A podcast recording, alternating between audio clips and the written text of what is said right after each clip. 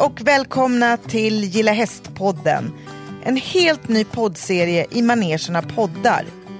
I Gilla Hästpodden vill vi sänka trösklarna till stallet och dela magiska möten där hästar gör skillnad. Right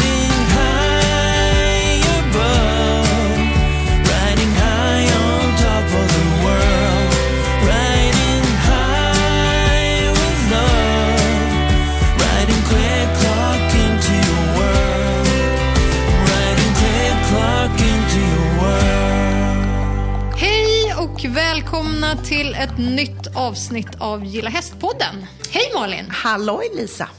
Nu sitter vi här igen och ska podda och vi har en uh, jättespännande gäst idag som jag måste säga ligger mig lite extra varmt om hjärtat och det är ju Rosengårdsskolans rektor Cecilia.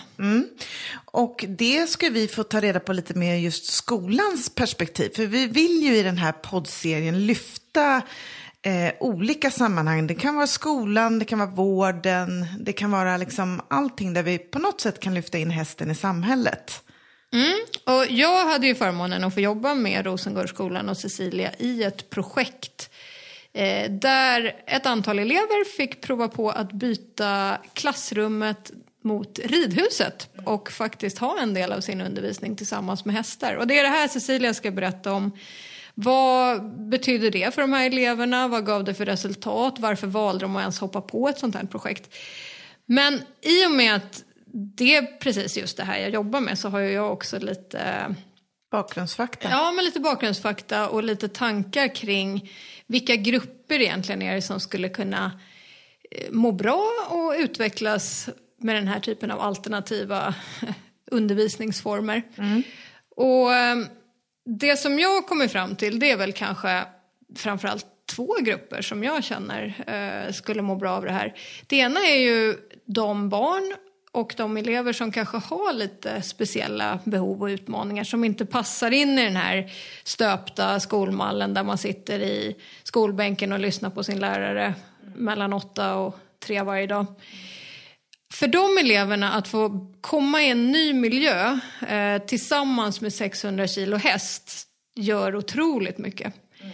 Den andra gruppen som eh, jag skulle vilja flagga för också, det är de som lite slarvigt idag kallas för hemmasittare. Och Kalla fakta gjorde ju en eh, genomlysning 2018 tror jag det var.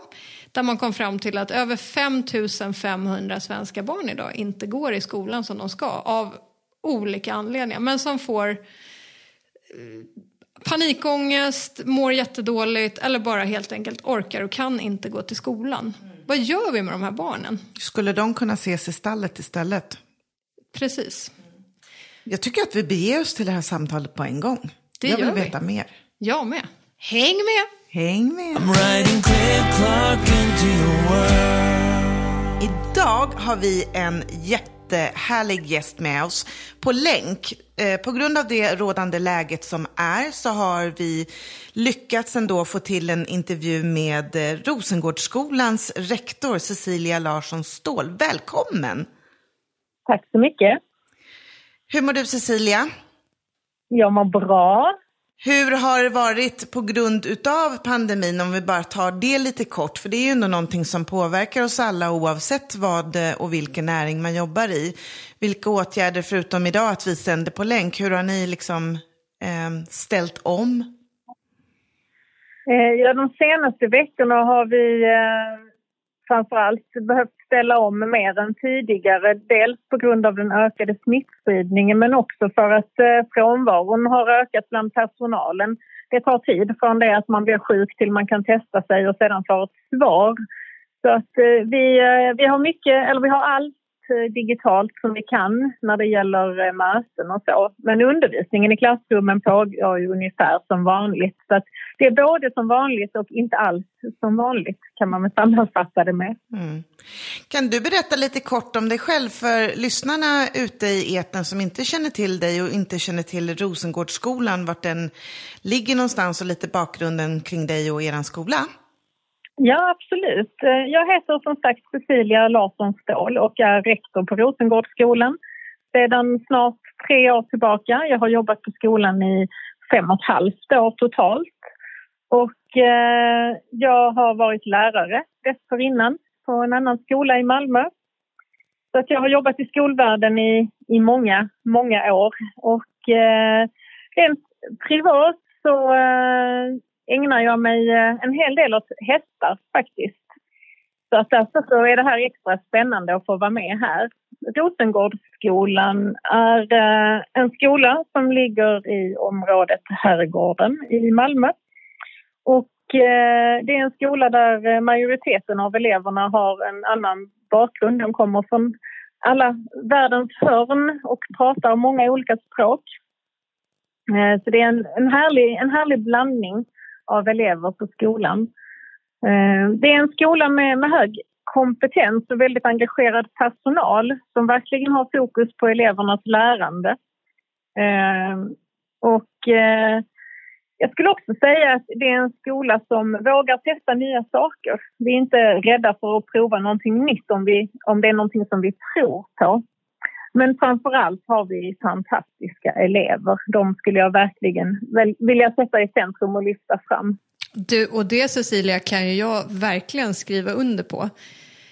Eh, som faktiskt fick förmånen att, att, jobba mer i det här spännande projektet som vi ska prata om alldeles strax med Lära med hästar. Men jag har ju också varit eh, flera gånger på er skola och jag måste bara liksom få lägga till det att det är sån otroligt härlig stämning på skolan. Och engagemanget bland både personalen och eleverna Nej, det var verkligen häftigt att få komma in och, och, känna av det. Men om vi bara tar lite mer kring Rosengårdsskolan. Vad är liksom era utmaningar i vardagen och, och, och driva den här skolan? Eh, ja, jag skulle väl säga att eh, utmaningen är eh, att få alla elever att, att nå så långt som möjligt.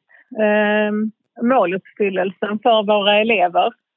Eh, och många av dem kommer till Sverige under skolåren och en del är såklart uppvuxna här också men eh, har kanske inte mött svenska språket i den utsträckningen som skulle behövas för att eh, klara skolgången. Så vi, eh, vi behöver jobba mycket och hårt för att eleverna ska nå sina mål. Eh, sen tänker jag också att det är en utmaning att ge elever som växer upp i ett område som ja, men lite har en negativ stämpel, att ge dem en framtidstro. Att eh, få dem att tro att, att de kan Eh, och att de har samma möjligheter som, som alla andra. Jag tänker att det är också ett viktigt uppdrag vi har. Mm.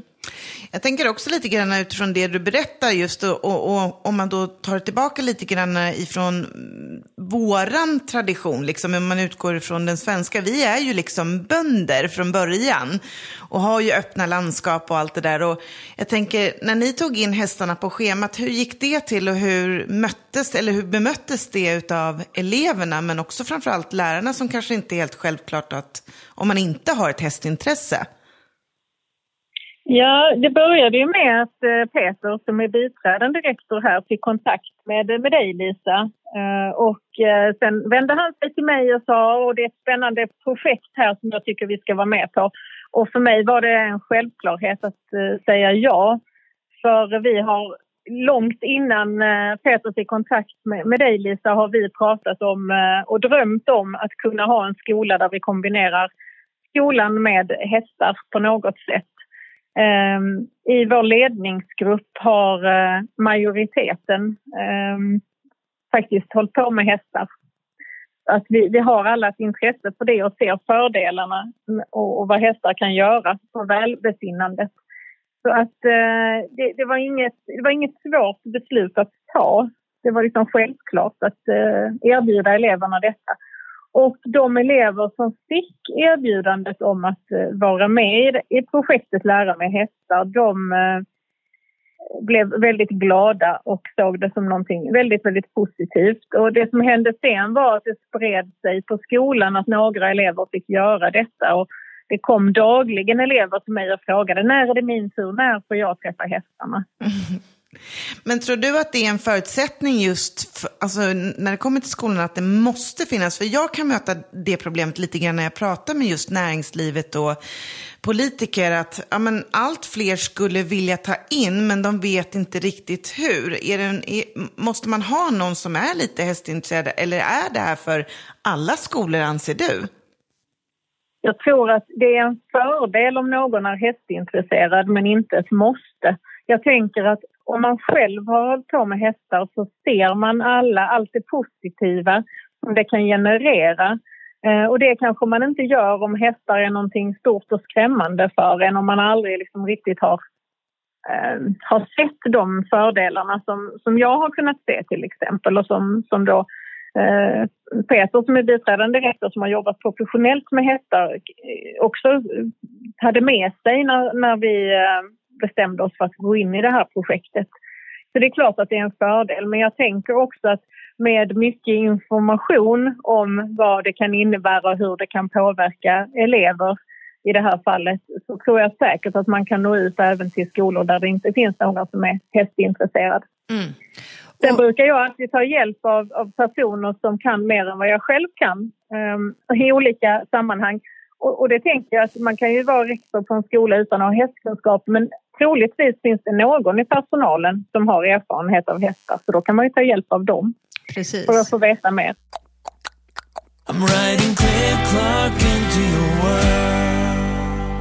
Och Cecilia, om vi bara backar bandet lite och berättar lite om hur gick det här till?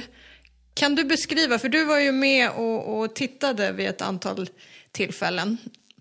Ja, um, och då eh, var det så att vi valde ut en grupp med eh, elever eh, och det gjorde vi i, i, i, två omgångar. Men jag tänker att vi valde ut en grupp med, med hur, elever. Hur som, valde ni ut de här eleverna om du bara det gjorde vi tillsammans, tillsammans med lärarna men lite med fokus på att det skulle vara en blandning på, av pojkar och flickor. Det skulle vara en blandning av elever som kanske kämpa, behöver kämpa lite mer i skolan och även elever som är rätt så starka när det gäller skolarbetet. Så det blev en blandning och de fick se varandra i ett annat eh, sammanhang. Eh, och så blev det verkligen. Eh, att eh, eleverna fick, ja, eh, jag måste bara berätta om en elev speciellt som jag aldrig har sett på det här sättet. Ögonen eh, lyste och eh, eleven uttryckte sig och pratade på ett sätt som jag aldrig har upplevt i skolan. Så att det, det blev en sån riktig boost för den här elevens självförtroende att få möta hästarna. Det var verkligen en plats där den eleven kunde ja, få, få vara en annan person än, äh, än vad, den vad den eleven är i skolan. Ja, men det är ju det som är så himla härligt att få höra just de här historierna. För att vi som redan är i stallet och har mött och känner oss, ja, men just att hänga i stallet och att man mår bra, men att helt utifrån en människa som kanske aldrig ens har tänkt sig att vara i den miljön, hur den kan leva upp och, och liksom, ja, glimra till, få en, få en eh, extra dimension i livet, tänker jag. Mm. Och så ja. tror jag, om vi bara ska beskriva också lite, Cecilia, hur så, att så det gick till var att eleverna hämtades på skolan. Precis. Som, eh, ja, och det, jag tänker vi prioriterade att, eh, så att vi hade personalresurser att skicka med. Och det var, vi, vi, kunde organisera på det sättet att det var en och samma person som åkte med alla gångerna. Eh, och det måste jag också säga att den personen från personalen var ju också och är otroligt positiv till, till vad eleverna fick vara med om och lära sig. Så att eleverna åkte från skolan vid tvåtiden eh, och eh, kom till Malmö ridklubb där de möttes av, av dig, Lisa, mm. och hästarna. Eh, Precis. Och, ja, och där hade du en liten, en liten genomgång först Exakt. med dem. Mm. Så, att, så som det gick till eh, var ju då att eh, det här är ju ett ganska strukturerat eh, upplägg där man börjar med en kort genomgång, alltså lite liknande skolarbetet. Ja, sen... väldigt, väldigt likt skolarbetet skulle jag säga faktiskt, ja. med strukturen. Så det, och det är också bra för då känner eleverna igen sig. Ja, precis. Eh, så en kort genomgång där vi gick igenom dagens tema och då hade vi ju olika teman varje gång. Det kunde vara kommunikation eller samarbete eller bygga relationer.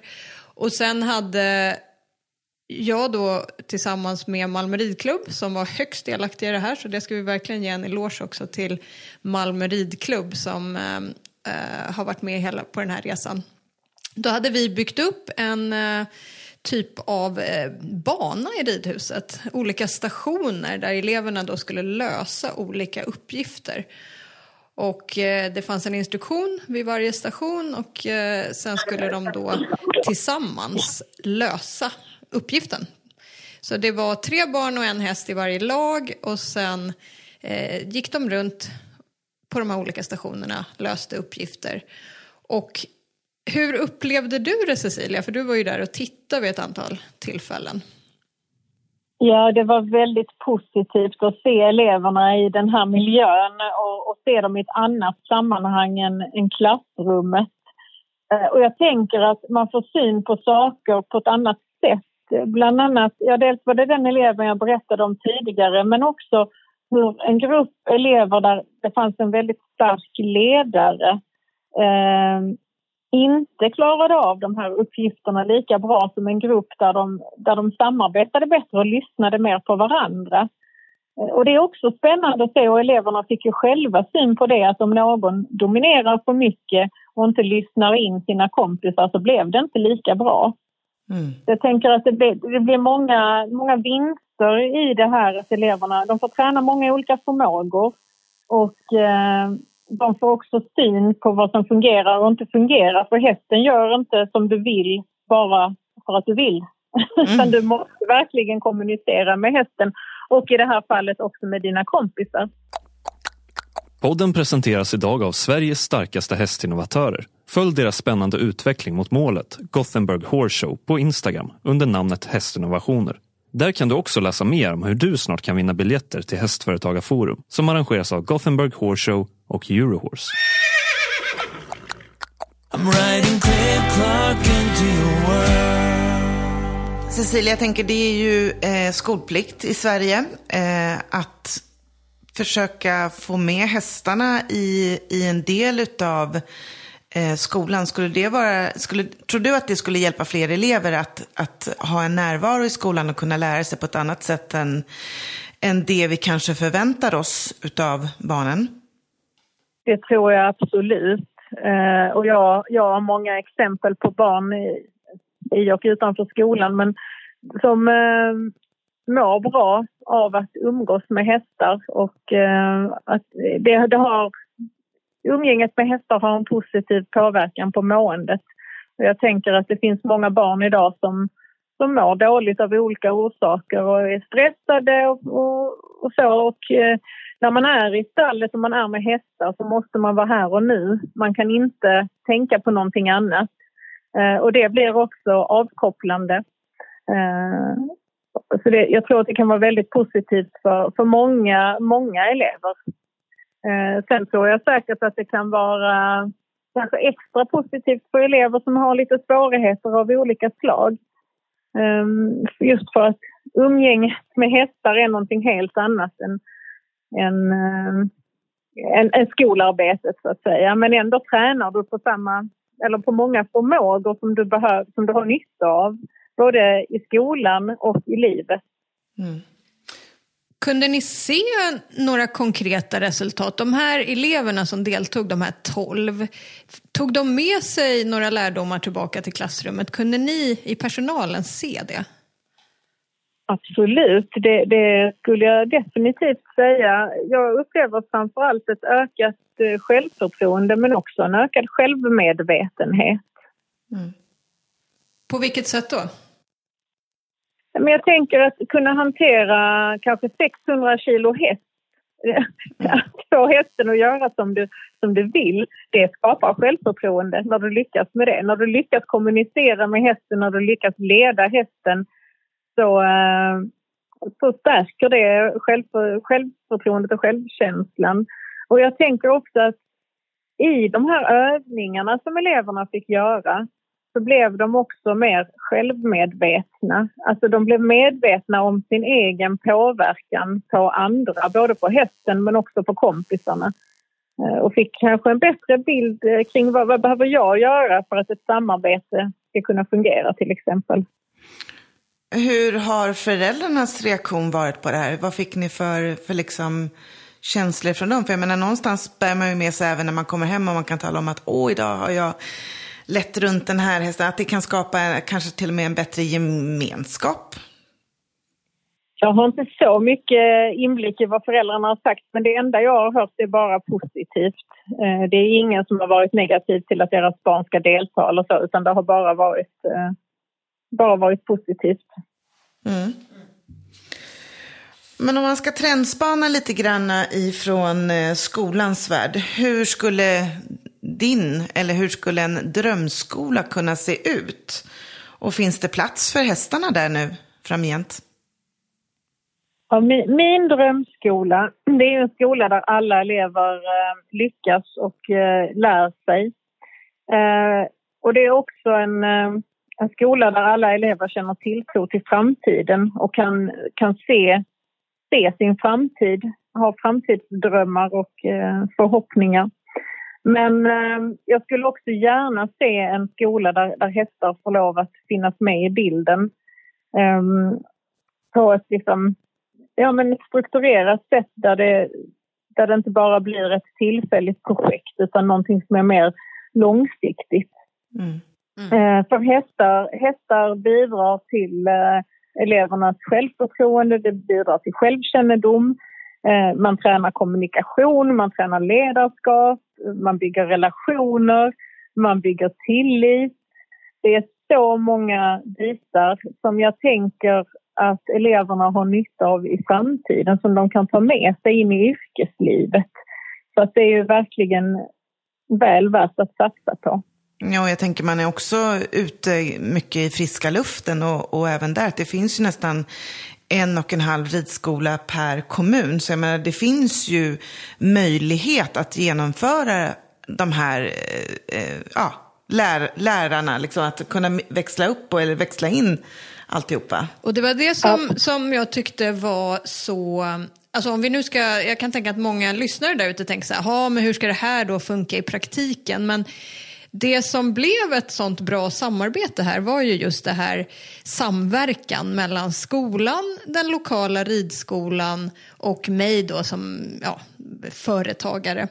Eh, och som Malin precis sa, det, vi har i genomsnitt en och en halv ridskola per kommun i Sverige. Så det är inte det att skolan ska göra någon... Bygga ridskola. Bygga ridskola och ha hästar på, på skolgården, även om det vore ju väldigt trevligt. Mm. Utan um, här var det ju en transport från skolan till, till stallet då, som, som krävdes och uh, en engagerad personal. För det här tror jag också är viktigt att ska man hoppa på ett sånt här projekt så, så är det nog viktigt att skolan har en resurs som är delaktig genom hela planeringen. Eller vad säger du Cecilia? Vad, vad krävs om någon skola som lyssnar på det här känner så här, oh, det här skulle vi vilja testa. Vad är dina tips? Ja men absolut krävs det ett engagemang och att någon tar ett extra ansvar för, för att hålla ihop det. Och hos oss så har det dels varit Peter som är biträdande rektor som har, som har hållit ihop det och hållit den mesta kontakten med, med dig Lisa. Men även då att vi har haft eh, personal som har kunnat följa med varje vecka och som också har tyckt att det var roligt. För jag tänker att det kanske inte är all personal från skola som, som känner oj jippi, jag att åka till stallet varje vecka utan eh, man måste ju hitta rätt person men så är det i alla sammanhang och jag tänker att det tar ju också tid naturligtvis ehm, så det behöver man ju eh, ha med i beräkningen. Eh, den här transporten till och från ridhuset, jag önskar att ridhuset låg här granne med skolan. Så hade, hade vi kunnat göra ännu mer men, mm. men man får ju göra utifrån de förutsättningarna, förutsättningarna man har, tänker jag. Mm.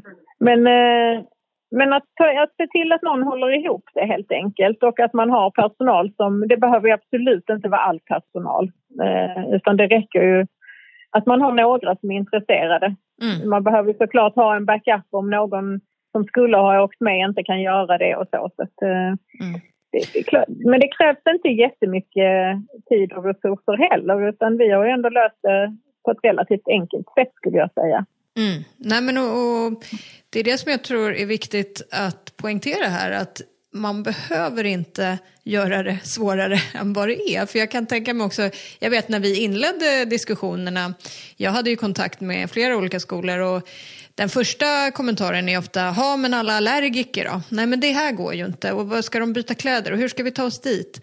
Och eh, ska det vara på skoltid, ska det inte vara på skoltid? Nu var ju ni på Rosengårdsskolan så otroligt eh, positiva redan från början men jag tänker att det är de här typen av frågor som kommer direkt och så bara, nej vi, det här går inte. Mm. Och jag tänker att eh, man kan alltid hitta lösningar. Om man vill, om man vill så går det. Mm. Eh, och att ja, skoltid eller inte skoltid, nej naturligtvis har vi en läroplan att, följa och, och, det ska vi göra. Och antingen hittar man något sätt att inom ramen för läroplanen eh, hitta den här tiden eller så gör man som vi gjorde och lägger det på eftermiddagstid. Det var ju ingen elev som inte ville vara med Mm. trots att det låg efter skoltid. Eh, utan alla elever ville göra detta.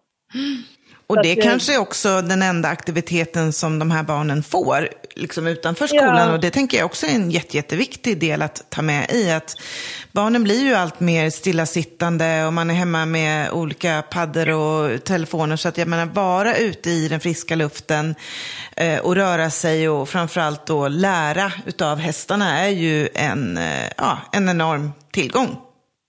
Ja, och det var en artikel i tidningen häromdagen som handlade just om, om, om det och man hade tittat på hela Malmö och hur, hur barn är engagerade i, i eh, fritidsaktiviteter. Och andelen elever eh, i Rosengård som är engagerade i fritidsaktiviteter och framförallt flickor är väldigt låg i förhållande till andra delar av Malmö.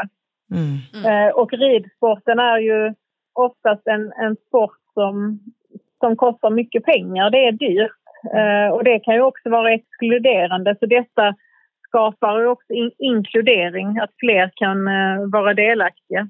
Mm, och det som jag märkte som var så häftigt också med de här grupperna som vi jobbade med, för vi hade ju två olika grupper. Vi hade sex barn i omgång ett och sex barn i omgång två. Och det var ju eh, integreringen som kom lite på köpet för att efter vi var klara där vid halv fyra-tiden så hängde de kvar lite i stallet och då kom ju de här vanliga, om man säger ridskoleeleverna och, skötarna och, och det började pratas och alltså att barnen möttes över gränserna i Malmö på ett sätt som var ganska häftigt. För precis som du säger, ridskolan är ju idag inte helt jämlik, skulle inte jag vilja säga. Nej, och det är ju precis det vi pratar om, här, att sänka trösklarna. Att det du nämner Cecilia, att det är ju liksom en, en dyr sport att hålla på med och det kostar ju pengar att rida på ridskolan. Men det vi försöker också även här poängtera att det kostar ingenting att hänga med en häst.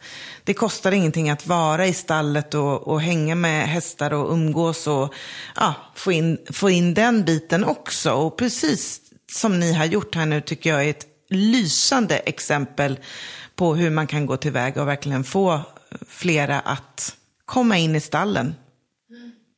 Precis. Ja, och i Malmö finns det en hel del initiativ för att eh, göra ridsporten mer tillgänglig och jag tänker att det här kan ju också vara ett första steg in för att sedan ta sig till stallet via andra, på, på andra sätt så att säga. Mm. Att man faktiskt, att det blir en miljö som man inte, ja, som man, som man känner sig trygg i helt enkelt och, och så att man vågar prova igen. Kanske Mm. prova på att rida eller göra någonting annat. Mm. Det skulle ju faktiskt vara jättekul och, om, om eller när att kunna kanske eventuellt följa upp så småningom och se om det är flera som har börjat rida eller hängt kvar i ställena. Absolut. Och vi kommer, Malin, eller hur? Vi kommer lägga upp en liten filmsnutt eh, på vår eh, Instagram och Facebook hur de här lektionerna såg ut. För det är ju lite svårt att beskriva eh, så här bara i prat. Eh, så att det, det gör vi så, så de som är intresserade kan se lite faktiskt hur det här gick till. Men vi ska runda av här nu, Malin, med två frågor som vi ställer till alla våra poddgäster. Ja, men precis. Vi tycker det är viktigt att skicka med någonting till, dels till, alltså det blir lite grann som en stafettpinne, dels till våra nästa gäster som får lyssna in och ta lite inspiration, eh, men också just att kunna ge ett medskick till just politiker och de som är ute och lyssnar och de som kanske inte ännu har något med hästarna. Men Cecilia, om du fick berätta om ett hästmöte som har gjort skillnad för dig, är det något speciellt du kommer att tänka på direkt eller vad, vilket minne tar du med dig? Um, ja, jag har många, jag har många hästminnen. Um, men um, jag tänker att den envisa ponnyn jag umgicks mycket med när jag växte upp har väl gett mig uh, en viss uh, beslutsamhet. som jag, jag fick verkligen träna ledarskap och eh, kommunikation på den lilla ponnyn och sen har det följt mig genom eh, fler hästar i livet. Och eh, det finns väldigt mycket av det jag har lärt mig i stallet som jag har nytta av och har haft nytta av eh, genom, genom hela livet faktiskt. Eh, man, man tränar så många, många bitar. Eh, jag ser det på mitt eget barn som, eh, som rider och jag ser hur han utvecklar eh, ledaregenskaper som jag tänker och en kommunikationsförmåga som jag tänker att han kommer ha väldigt stor nytta av i framtiden. Mm. Så att det, det, ja, hästar är fantastiska mm. på att lära oss massor med olika saker. Ja, precis. Vad hette din ponny? Um, Ja, den mest envisa, den, den lånade jag en sommar. Den hette Gulliver. Eh, Passande. och, och sen, det var ett envist Gotlandsruss. Men sen, sen har det passerat en hel del efter det också. Eh, som har... Som har, som har gjort skillnad. Att, som har gjort skillnad, ja precis. Att träna många, många förmågor. Men, eh, ja. Mm. Och sist men inte minst då Cecilia, om du fick skicka ett kort meddelande till våra politiker och beslutsfattare för att fler eh, faktiskt ska fatta galoppen och förstå det här att hästar gör skillnad, hur skulle det låta? Ja, jag skulle säga att eh, våga, våga satsa på att låta hästar få ta plats i samhället. Våga satsa på att låta hästar få ta plats i skolan, i sjukvården, och på andra ställen eh, där, eh, där det finns människor som behöver eh, på något vis ja, få växa, få eh, utvecklas eller eh, komma tillbaka kanske efter sjukdom. För hästar har en fantastisk förmåga att eh, verka avstressande, att få dig att vara här och nu samtidigt som hästar bygger självförtroende, eh, lär dig kommunicera, lär dig vad relationer och tillit egentligen handlar om. Och eh, ja, ledarskap skulle jag säga är en förmåga man verkligen tränar med hästar och det är ju någonting som våra barn och unga behöver i framtiden. Vill vi till exempel ha fler politiker i framtiden så kanske det är värt att satsa på hästar. Så vi får unga med ett tydligt ledarskap. Mm. Mycket bra. Kunde inte sagt det bättre själv. Verkligen. Mm. Tack snälla Cecilia. Ja, jag fick ståpälsar de där sista orden. Alltså. Ja, jag med. Helt klart. Tusen tack för att du var med oss idag. Stort Tack lycka till själva. Cecilia i skolan och med dina elever eller era elever. Och eh, som sagt var, jag hoppas verkligen att vi kan eh, få höra mer av er och även få använda Rosengårdsskolan som ett lysande exempel i hur man kan integrera hästen i samhället och i skolan. Tack Cecilia. Tack, Tack så mycket. Tack själva. Gilla hästpodden ryms i satsningen med samma namn som drivs av hästnäringens nationella stiftelse, HNS. Läs mer på gillahäst.se och följ oss gärna i sociala kanaler. Podden presenteras idag av Sveriges starkaste hästinnovatörer. Följ deras spännande utveckling mot målet, Gothenburg Horse Show, på Instagram under namnet Hästinnovationer. Där kan du också läsa mer om hur du snart kan vinna biljetter till Hästföretagarforum som arrangeras av Gothenburg Horse Show och Eurohorse right